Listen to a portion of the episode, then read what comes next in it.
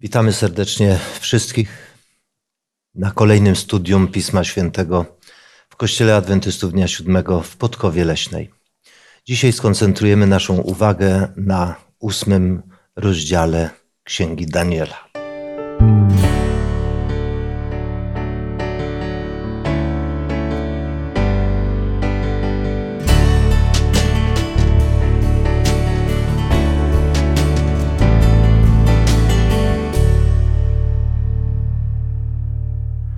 Razem ze mną w studiu są Łukasz, Dawid i Małgosia. Ja mam na imię Zenon.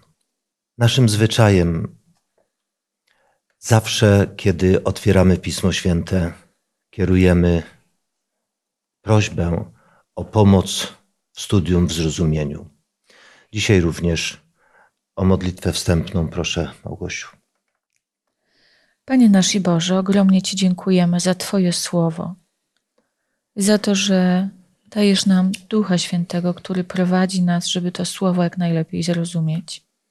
Błogosław proszę tą dyskusję, te rozważania nad ósmym rozdziałem Księgi Daniela i błogosław też wszystkich, którzy będą nas słuchać i oglądać. Amen. Amen. Przed nami olbrzymie wyzwanie. Ósmy rozdział Księgi Daniela e, treściowo obejmuje bardzo szeroki okres historii. E, z pewnością zdajemy sobie sprawę też, że wśród e, słuchaczy są osoby o różnym stopniu znajomości Księgi Daniela. Z pewnością nasze studium nie będzie poruszało zbyt wielkich szczegółów, bo ramy czasowe nam nie pozwolą. Ale skoncentrujemy się na tych głównych myślach, które powinniśmy mm, wyciągnąć, podkreślić e, na dzień dzisiejszy. E, pierwsza rzecz, e, moi drodzy, co łączy, a co różni trzy wizje, jakie Daniel w swojej księdze opisuje. E, to jest wizje z rozdziału drugiego, z rozdziału siódmego i z rozdziału ósmego. Co łączy te wizje, a co różni? Łączy przede wszystkim te wizje i sny to, że Bóg objawia w nich historię świata. Mhm. Historię świata, jednocześnie historię zbawienia bo tak jak y, w śnie o posągu sen kończy się kamieniem, który rozbija y, cały posąg, czyli nadchodzi Królestwo Boże.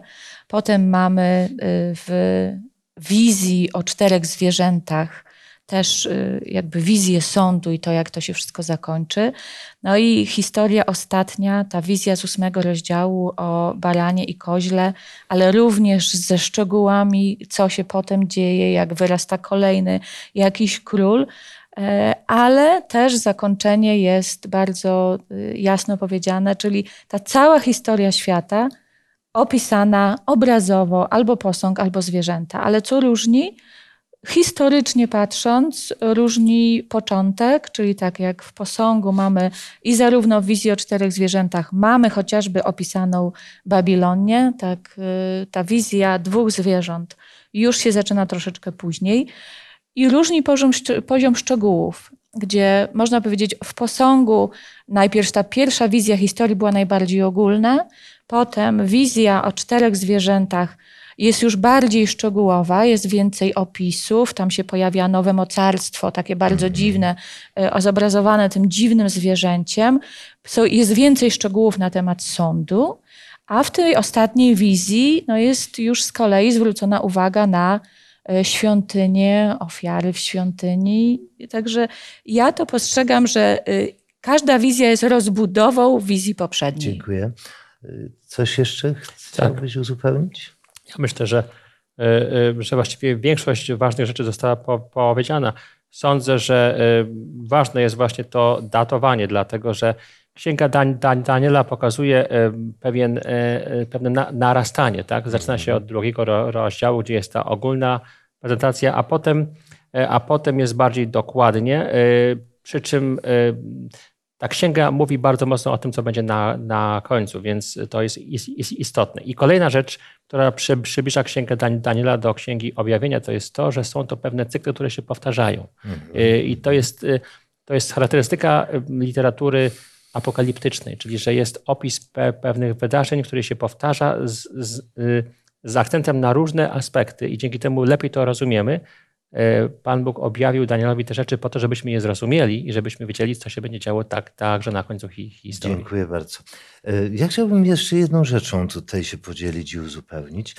E, studiując i analizując te wizje, zauważam, że wizja w drugim rozdziale koncentruje się de facto na pewnej kolejności potęg politycznych mhm. i pokazuje tą historię świata e, w, pod, kątem, e, pod kątem polityki. Mhm. Kolejne królestwo, następne królestwo, a nawet wizja mhm. przyjścia Pana Jezusa ukazana jest jako królestwo sprawiedliwe, wieczne, czyli panowanie nad światem.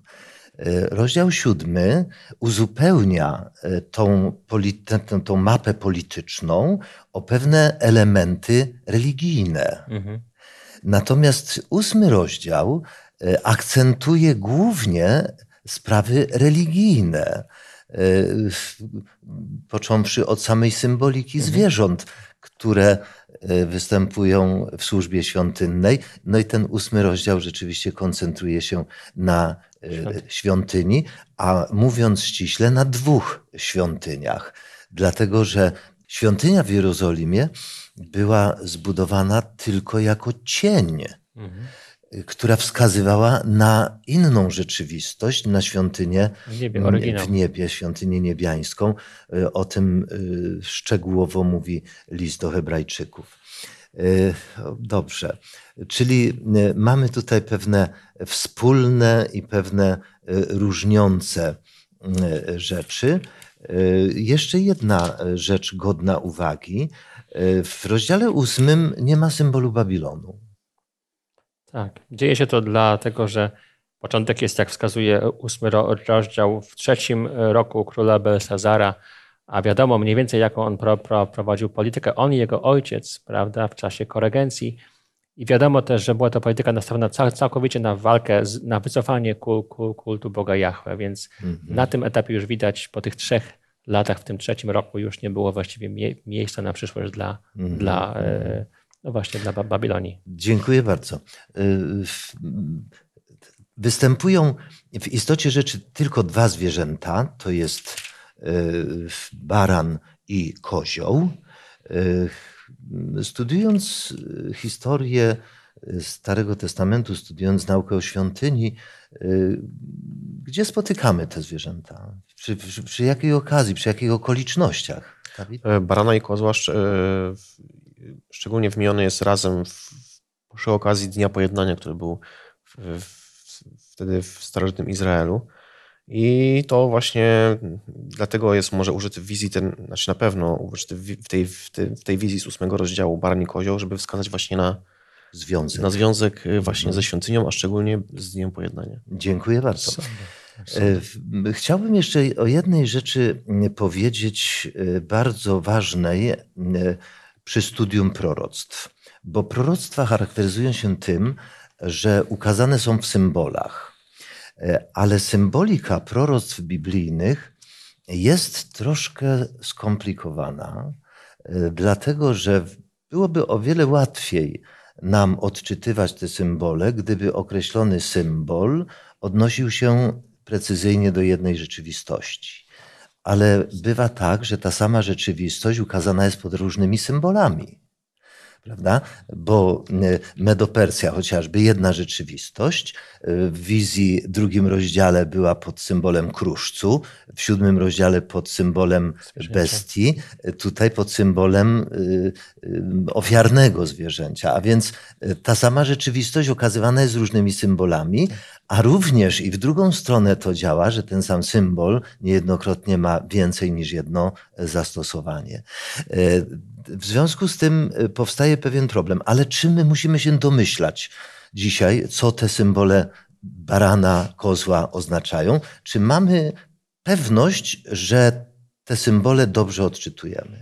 No nie musimy się domyślać, dlatego że w tym samym rozdziale ósmym dokładnie jest to wyjaśnione i kiedy Daniel nie rozumiał o co chodzi, e, Gabriel przyszedł i mu to wyjaśnił. I w wersetach tak. 20 i 21 ósmego rozdziału mamy wyjaśnione, że baran to król Medii i Persji, a kozioł to król grecki. Super.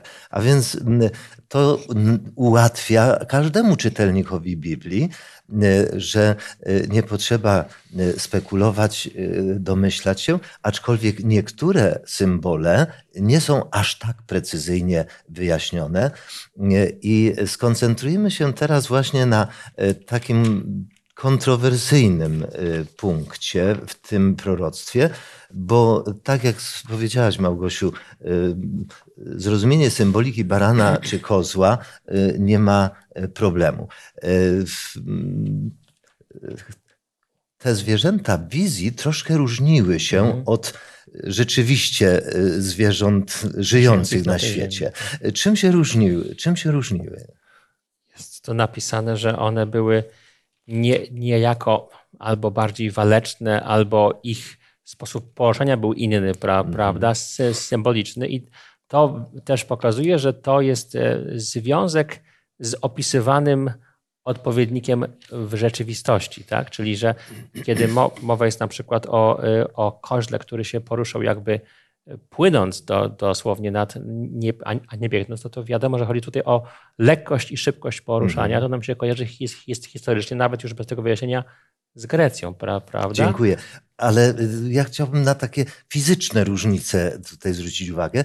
Baran miał dwa rogi, ale zazwyczaj y, baran, którego spotykamy na łące, y, czy jest hodowany, to te rogi ma jakie? Równe. Takie same. Tak, A tu Daniel widzi, że te rogi nie były takie mhm. same, różniły się. E, wiedząc, że e, ten baran symbolizował królestwo Medów i Persów, e, te rogi odnosimy do tej koalicji Medów i Persów, ponieważ te państwa tworzące koalicję nie były jednakowe.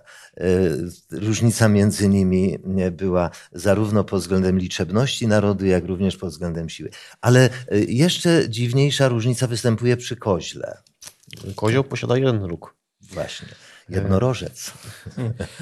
E, jak już tutaj zostało wyjaśnione, że kozioł symbolizuje Imperium Greckie, no to mm, tak się nasuwa po prostu tak na myśl oczywiście, że ten, że ten róg symbolizuje Aleksandra Wielkiego, mm -hmm. który był taki jakby wielkim, Pierwszy. potężnym pierwszym władcą, który faktycznie tak szybko bardzo podbijał ówczesne, ówczesne terytorium świata. Dziękuję. No i teraz w tej walce, w tym starciu, o którym Łukasz mówiłeś, y, coś się dzieje. Tak. No, kozioł uderza w, w barana, y, który był do tej pory niepokonany, po, powala go, także bar, baran właściwie no, ginie, a kozioł zaczyna rosnąć, a kiedy dorasta do, do szczytu swojej potęgi, nagle, nagle coś się dzieje z jego rogiem. Jego róg się zaczyna dzielić. To jest też bardzo ciekawa rzecz, że się dzieli właśnie na cztery. E, Może nie tyle róg się dzieli, ile ten jeden róg zostaje złamany, złamany, złamany tak i wyrastają teraz cztery. Tak. Znów w naturze y, żaden kozioł nie ma czterech rogów, a więc y, ta symbolika została również przez anioła przybliżona. Y, czy musimy się znów domyślać, Małgosiu? No, z historii wiemy, że po Aleksandrze Wielkim Grecja została podzielona na cztery państwa pośród jego czterech generałów, więc y, też opisane w 22 wersecie to, że został złamany, a cztery inne wyrosły zamiast niego, znaczy z jego narodu powstaną cztery królestwa, ale nie z taką mocą, jaką on miał.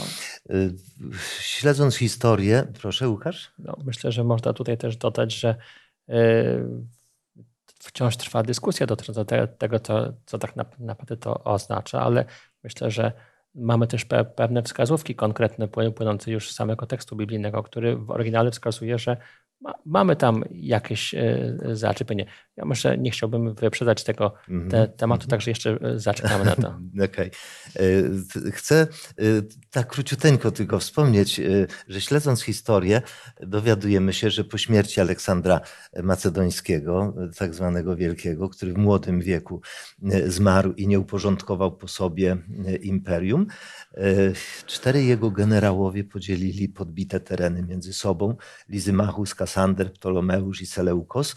No potem bratobójcze walki między sobą, to odrębny temat historyczny, ale teraz nie, Daniel widząc, bo się koncentrujemy na wizji Daniela, widząc, że cztery rogi wyrosły na cztery strony świata, my dysponujemy tym powszechnym przekładem na język polski e, Biblią Warszawską, czy podobnymi przekładami, e, gdzie e, werset dziewiąty informuje, używając zaimka rodzaju męskiego, z jednego z nich wyrósł inny mały róg.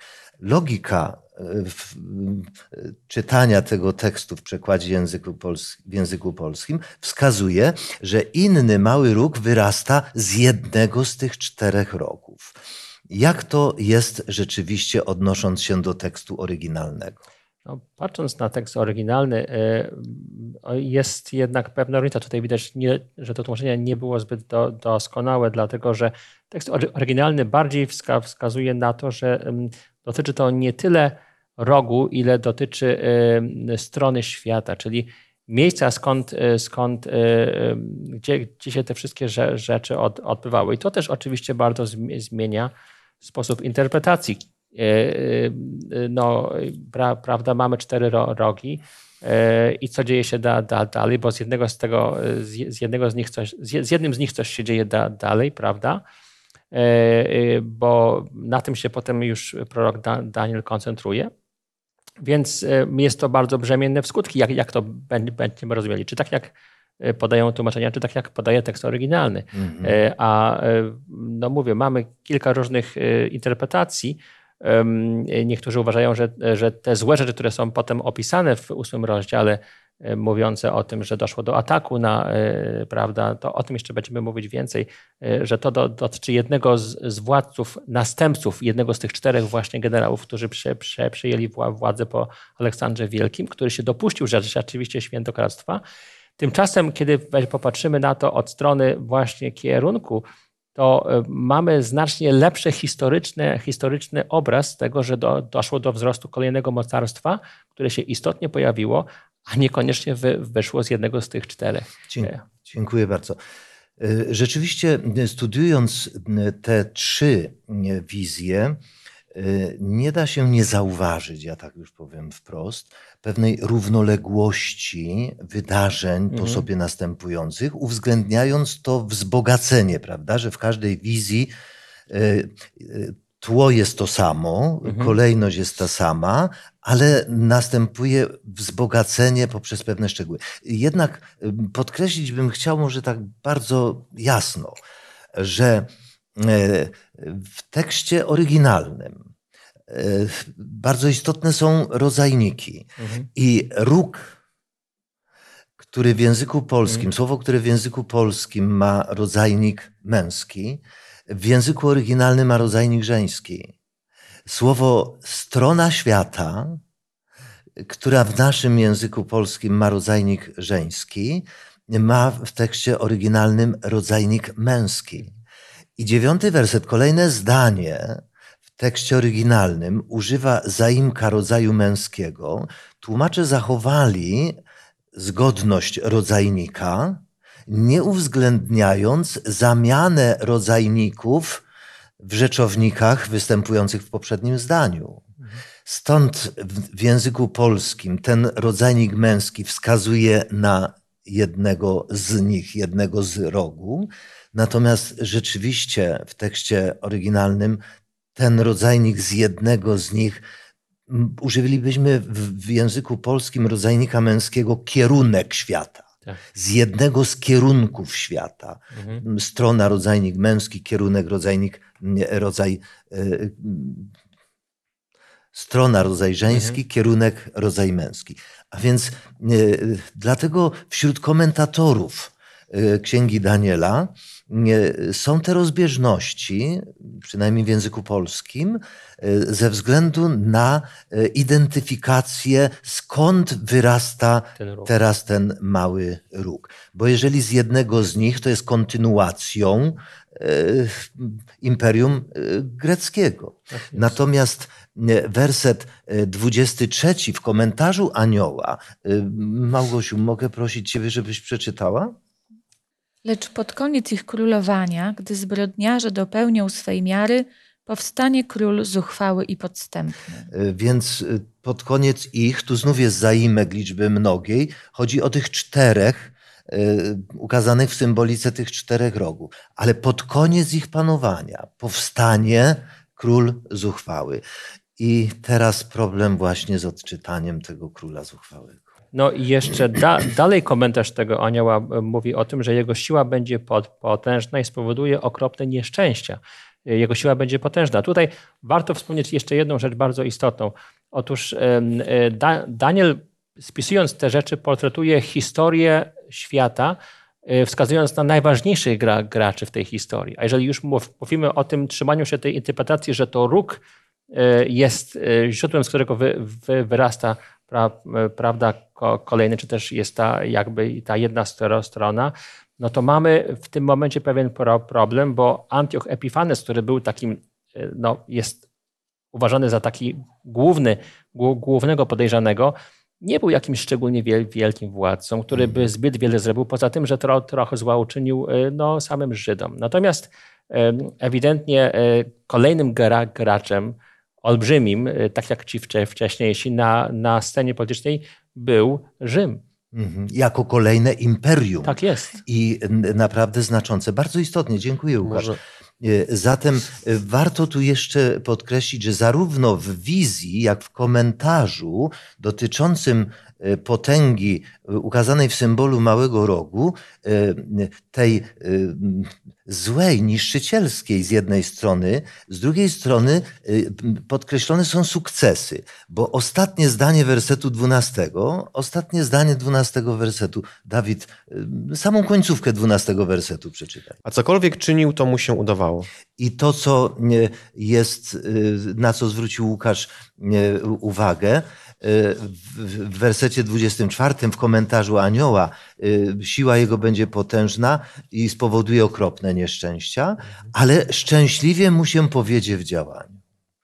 Ja jeszcze bym dodała, że Biblia jest tak wspaniale napisana, bo jest, została napisana, napisana pod przewodnictwem Ducha Świętego, że Bóg nie zostawia nas z pojedynczymi wersetami, czy nawet z pojedynczymi miejscami w Biblii, żeby zrozumieć pewną symbolikę, która jest dla nas ważna, a symbolika w ósmym rozdziale jest dla nas niezwykle ważna, bo jest podkreślone kilka razy, że dotyczy końca czasów i wręcz, że będzie zrozumiana dopiero pod koniec czasów. Ale jak się studiuje całość, nawet księgi Daniela, tylko już nie mówiąc o księdze objawienia, to widzimy bardzo wiele podobieństw pomiędzy właśnie tym, królem zuchwałym a podstępnym, a na przykład czwartym zwierzęciem e, z objawień, e, z, Z siódmego z wizji z siódmego rozdziału, gdzie mamy e, w siódmym wersecie pojawiło się czwarte zwierzę, straszne i groźne i nadzwyczaj silne. Miało ono potężne żelazne zęby, pożerało i miażdżyło i tak dalej, i tak dalej. I w tej wizji z siódmego rozdziału nie mamy żadnej wątpliwości, że to dotyczy Rzymu.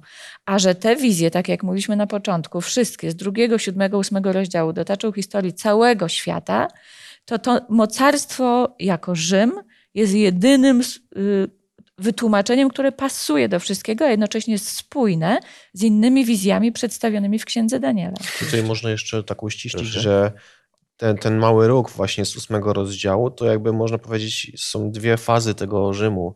Pierwsza faza to był Rzym pogański, który właśnie rozrastał się politycznie i niszczył wszystkie, wszystkie imperia inne, a druga faza to był właśnie Rzym ten papieski, ten, który y, również w- atakował mm, późniejszych no, lud Boży. Mm -hmm.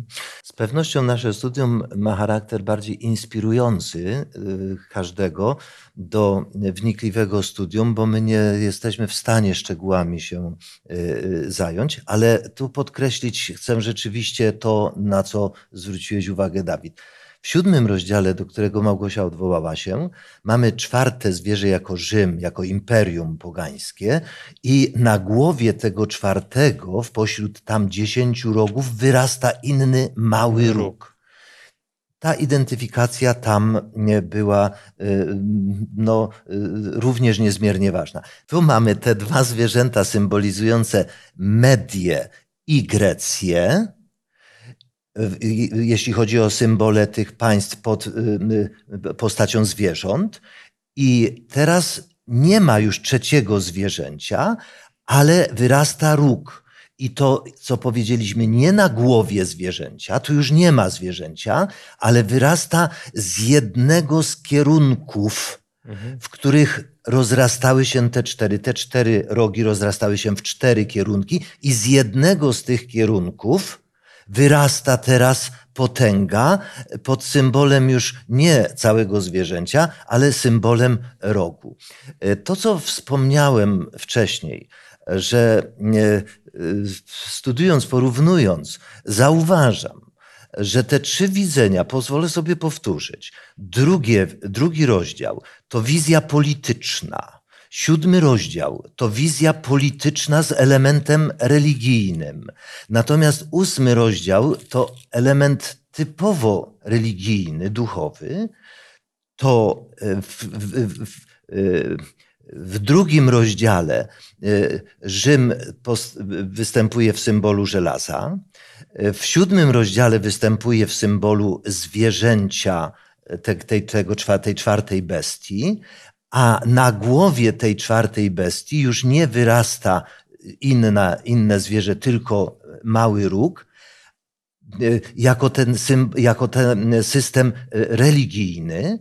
Natomiast ósmy, w ósmym rozdziale ten mały róg symbolizuje Rzym w obydwu tych fazach, jak Dawid wspomniał, a zatem zarówno w tej starożytnej fazie, fazie imperialnej, jak również w tej już E, chrześcijańskiej, chrześcijańskiej, e, chrześcijańskiej fazie. E, zatrzymamy się króciuteńko nad wymienieniem cech działalności, jakie ten mały róg prowadził. Dawid, poproszę cię, żebyś przeczytał od wersetu 10 do wersetu 12. Wielkością swoją sięgał aż do wojska niebieskiego i strącił na ziemię niektórych z wojska i z gwiazd i podeptał ich. Wmówił w siebie potęgę, jaką ma książę wojsk, tak, że została odjęta mu stała codzienna ofiara i zostało zbezczeszczone miejsce jego świątyni. Na codziennej ofierze dopuszczono się przestępstwa, prawda została powolona na ziemię, a cokolwiek czynił, to mu się udawało. Dziękuję. Każda z tych cech wymagałaby obszernego wyjaśnienia, ale tak jednozdaniowo poruszmy, co zauważamy, co rozumiemy w tych proroczych informacjach, jednozdaniowo. Myślę, że to, co jest ciekawe, to, jest, to są analogie pomiędzy ma, małym rogiem z siódmego i z ósmego rozdziału, bo właściwie są one bardzo du, duże. Tutaj widać, że jest to róg, który rośnie, czyli jego potęga wzrasta stopniowo. Po drugie, jest to, y, jest to siła, która y, na pewnym etapie przechodzi od wa wa walki politycznej do walki re religijnej, czyli sięga wysoko, a nawet sięga do pozycji samego Pana Boga, stając, stawiając sam, sama siebie na jego mie mie mie miejscu. I trzeci etap to jest, to jest walka z tymi, którzy stawiają jednak Pana Boga przed tymże mm -hmm. właśnie tym, tą istotą, tym, tym, tą mocą. Ja może jakbym chciała faktycznie Proszę. jednym y, zdaniem określić, to najbardziej rzuca mi się w oczy y, tekst z 12 wersetu. Prawda została powalona na ziemię. Czyli dodając do tego, co Łukasz już powiedział, to będzie siła, która walczy z Bogiem, walczy z Bożym ludem, ale przede wszystkim walczy z prawdą Bożą.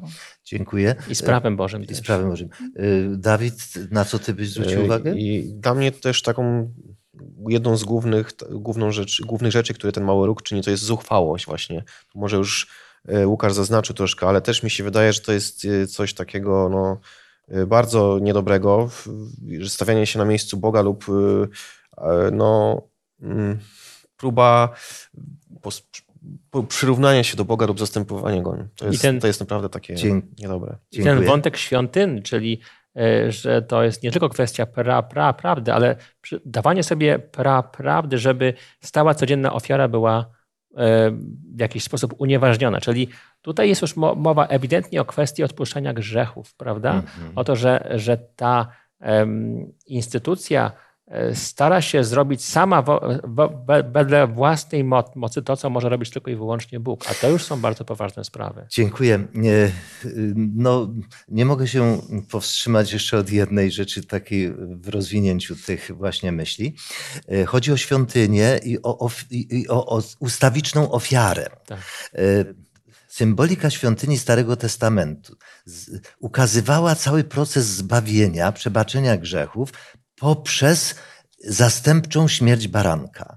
E, Ponieważ to były cienie, e, kapłani zmieniali się, ofiary codziennie były składane, one wszy- wszystkie wskazywały na Jezusa Chrystusa, który e, nie musi częstokroć składać ofiary, bo jego ofiara była doskonała, ale tamte ofiary y, w- w świątyni ziemskiej były składane codziennie, rano i wieczorem. One wskazywały na ustawiczność ofiary Pana Jezusa. Gdy Pan Jezus złożył ofiarę, tu y, polecamy studium listu do Hebrajczyków, gdzie te sprawy zostały bardzo jasno wy, y, wytłumaczone, porównanie tej symboliki z rzeczywistością niebiańską. Y, Ale teraz powstaje poważny problem w chrześcijaństwie. Czy ofiara Jezusa Chrystusa złożona na krzyżu jest wystarczająca, czy trzeba ją powtarzać? Czy trzeba składać nadal tą ofiarę? Więc y, godne zastanowienia i zachęcam do e, takiego głębokiego przeanalizowania e, tego zagadnienia, co to znaczy, że właśnie ta potęga ukazana pod symbolem małego rogu, e, uzurpująca sobie równość z księciem wojsk, z Chrystusem, e, dokonuje przestępstwa e, i e, odejmuje Chrystusowi stałość jego ofiary. Dobrze, idziemy dalej. Mo mogę jeszcze dodać, Proszę. bo wydaje mi się, że to jest tak ważne i jeżeli nie najważniejsze przesłanie tego rozdziału ósmego, że aż szkoda go tak Pominąć. y, pominąć i zbagatelizować, dlatego że prawda, to, że prawda została powolona na ziemię, mówi też o tym, że ta siła, czyli papiestwo, tak naprawdę zakryło y, te główne prawdy biblijne, główna prawda, czyli plan zbawienia przez ofiarę Jezusa, co jeszcze, że tak naprawdę aż do XIX wieku udało się papiestwu kompletnie zakryć naukę o świątyni w niebie, która jest nauką biblijną, a którą większość chrześcijan obecnie w ogóle nie zna. Czyli te, temu, temu ro, rogowi, tak, no. tej sile udało się naprawdę prawdę powalić i na miejsce Jezusa, który jest jedynym Zbawicielem, który jest jedynym pośrednikiem pomiędzy nami a jedynym Bogiem, kapłanem. jedynym kapłanem ustanowił ludzi. I to jest tylko, no, y, można się dziwić, że ludzie, którzy studiują Biblię, którzy ją czytają, nie widzą tego, chociaż wierzę, że Duch Święty wielu osobom jeszcze pomoże tą prawdę odkryć, która jest, która jest zapowiedziana, że na ostatnie czasy zostanie odkryta. Dziękuję. No i jeszcze raz podkreślam w tym kontekście, że wszyscy, cała ta działalność, wszystkie te przedsięwzięcia e, pomyślnie realizuje. Wszystko, co czyni, będzie mu się udawało. E, W trakcie tego, co Daniel widzi, nagle słyszy rozmawiających świętych, a więc istoty pozaziemskie, pozaludzkie i, e, i e, słyszy pytanie, nie mówi, czy widzi te osoby, czy tylko słyszy głos, i, ale słyszy, słyszy pytanie, że jeden stawia pytanie. Jak to pytanie brzmi? Jak długo zachowuje ważność widzenie dotyczące właśnie tej wizji z ósmego rozdziału, prawda? Jak długo to zachowuje ważność widzenia? Właśnie, jak długo zachowuje ważność? To jest niezmiernie głębokie pytanie. A więc chodzi o czas. Chodzi o czas. I pada pytanie, pada odpowiedź. Małgosiu. Aż do 2300 wieczorów i poranków. Dziękuję. E, wiecie, e, mam nadzieję, bo nie jestem specjalistą od języków, ale mam nadzieję, bo w istocie wszyscy tłumacze zaczynają, czy tłumaczą tą odpowiedź od takiej partykuły aż. My wiemy, co ta partykuła w języku polskim znaczy. Jest ona przeciwieństwem tylko. Tylko to coś krótkiego, ale gdy ktoś mówi aż, to jest to niewymierne, ale na pewno coś długiego. Coś, coś długiego, w tym mówimy w wymiarze czasu. Aż, aż do. I teraz pada liczba 2300. Y, Łukasz, y, jak spoglądamy na tą liczbę? Pokrótce, bo to jest też obszerny te, temat i nie mniej kontrowersyjny niż e, reszta ro, rozdziału ósmego. Otóż e, tak z punktu widzenia historycznego e, patrzymy na, na to tak, że są to, mm, że te dni, te poranki i wieczory symbolizują dni, które oznaczają lata. I są do tego podstawy oczywiście w Piśmie Świętym, bo ma, ma, mamy co najmniej dwa mie miejsca w Piśmie, gdzie jest użyta taka sama e, procedura, gdzie się liczy te dni, czy też poranki i wieczory, liczy się jako dni, e, dni które symbolizują tak naprawdę okresy lata. Tak? E, można byłoby tutaj też sięgnąć do, do języka oryginalnego, jakie tam są słowa użyte, ale myślę, że nie mamy na to cza, cza, czasu. Natomiast, natomiast nie wszyscy tak to li, liczą, niektórzy to liczą dosłownie, z czego wychodzi coś takiego, że będzie jakiś okres no, w przyszłości, który coś tam oznacza, pra, pra, prawda? Albo na przykład y, dzieli się to na pół, bo mamy poranki i wie, wieczory, i w związku z tym to tak naprawdę nie, nie jest 2300, tylko jest, to jest to pół, bo mamy i poranek, i wieczór, i, i, wieczór, czyli to jest jeden dzień.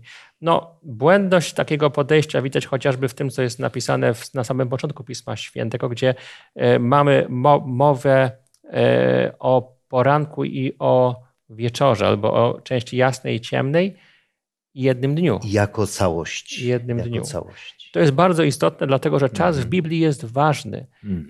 Nie można sobie tego lekceważyć. To jest długi okres. E, komentatorzy żydowscy, tylko dodam krótką tutaj, krótki, tak, taki, krótką rzecz. Przez wiele wieków komentatorzy żydowcy nie mieli co do tego żadnych wątpliwości, że dzień liczymy za, za rok. Mm. Tak? Dziękuję bardzo. Y, my dzisiaj nie zajmiemy się wymiarem, odkąd dokąd te 2300 upływa. Tu zapraszam na studium dziewiątego rozdziału, bo kontynuacja będzie w kolejnym rozdziale. E, niemniej jednak, pośród wielu różnych komentarzy, jakie możemy spotkać e, wśród chrześcijan, e, nasze zrozumienie i dzielimy się tym, dotyczy, tak jak Łukasz wspomniał, 2300 dni, lat a do, do jakiego momentu? Co, co wtedy się stanie?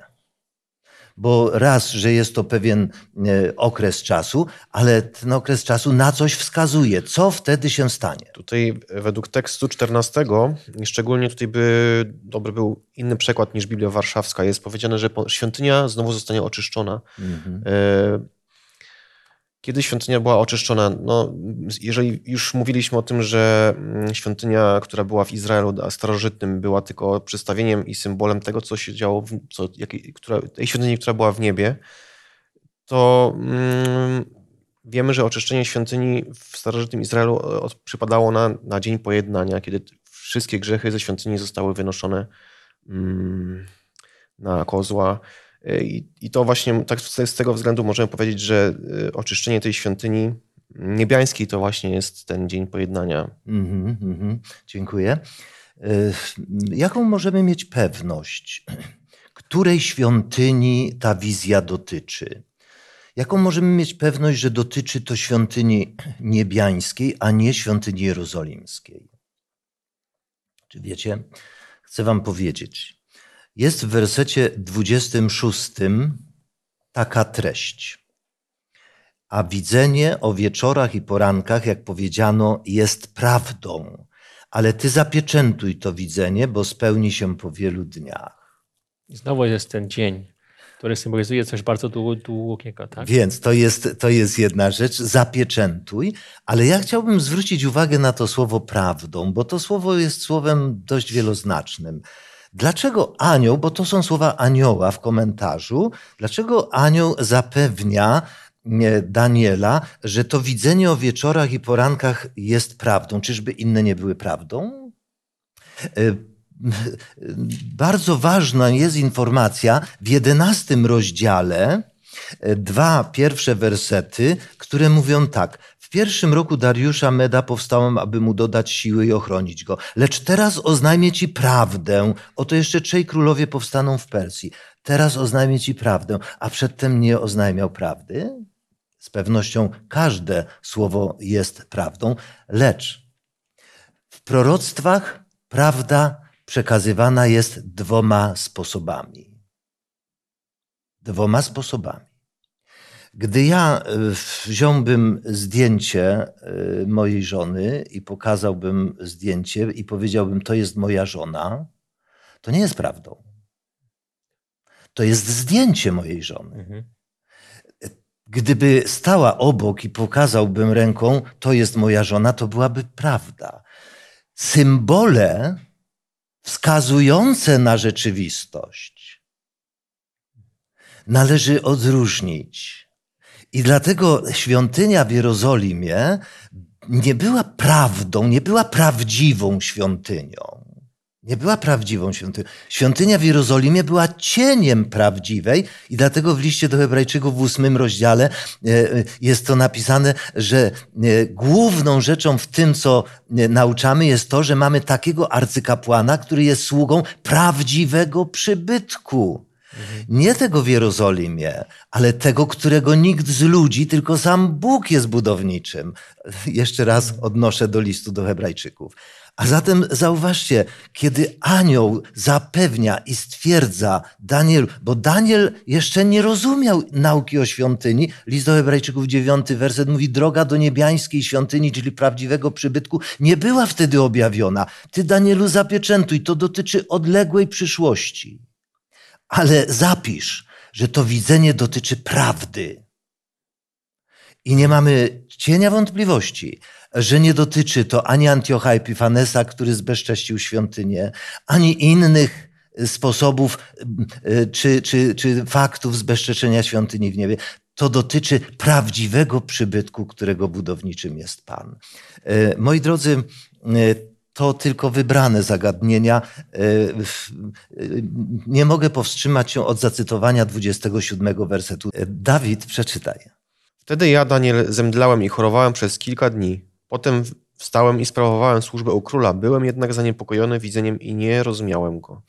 Kochani, czy zdarzyło wam się kiedyś taką informację usłyszeć, żeby was zwaliła z nóg?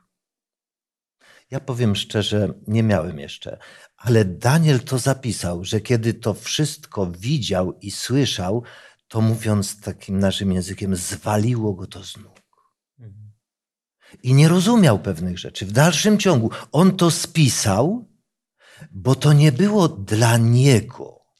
Danielu, zapieczętuj te słowa, one dotyczą odległej przyszłości.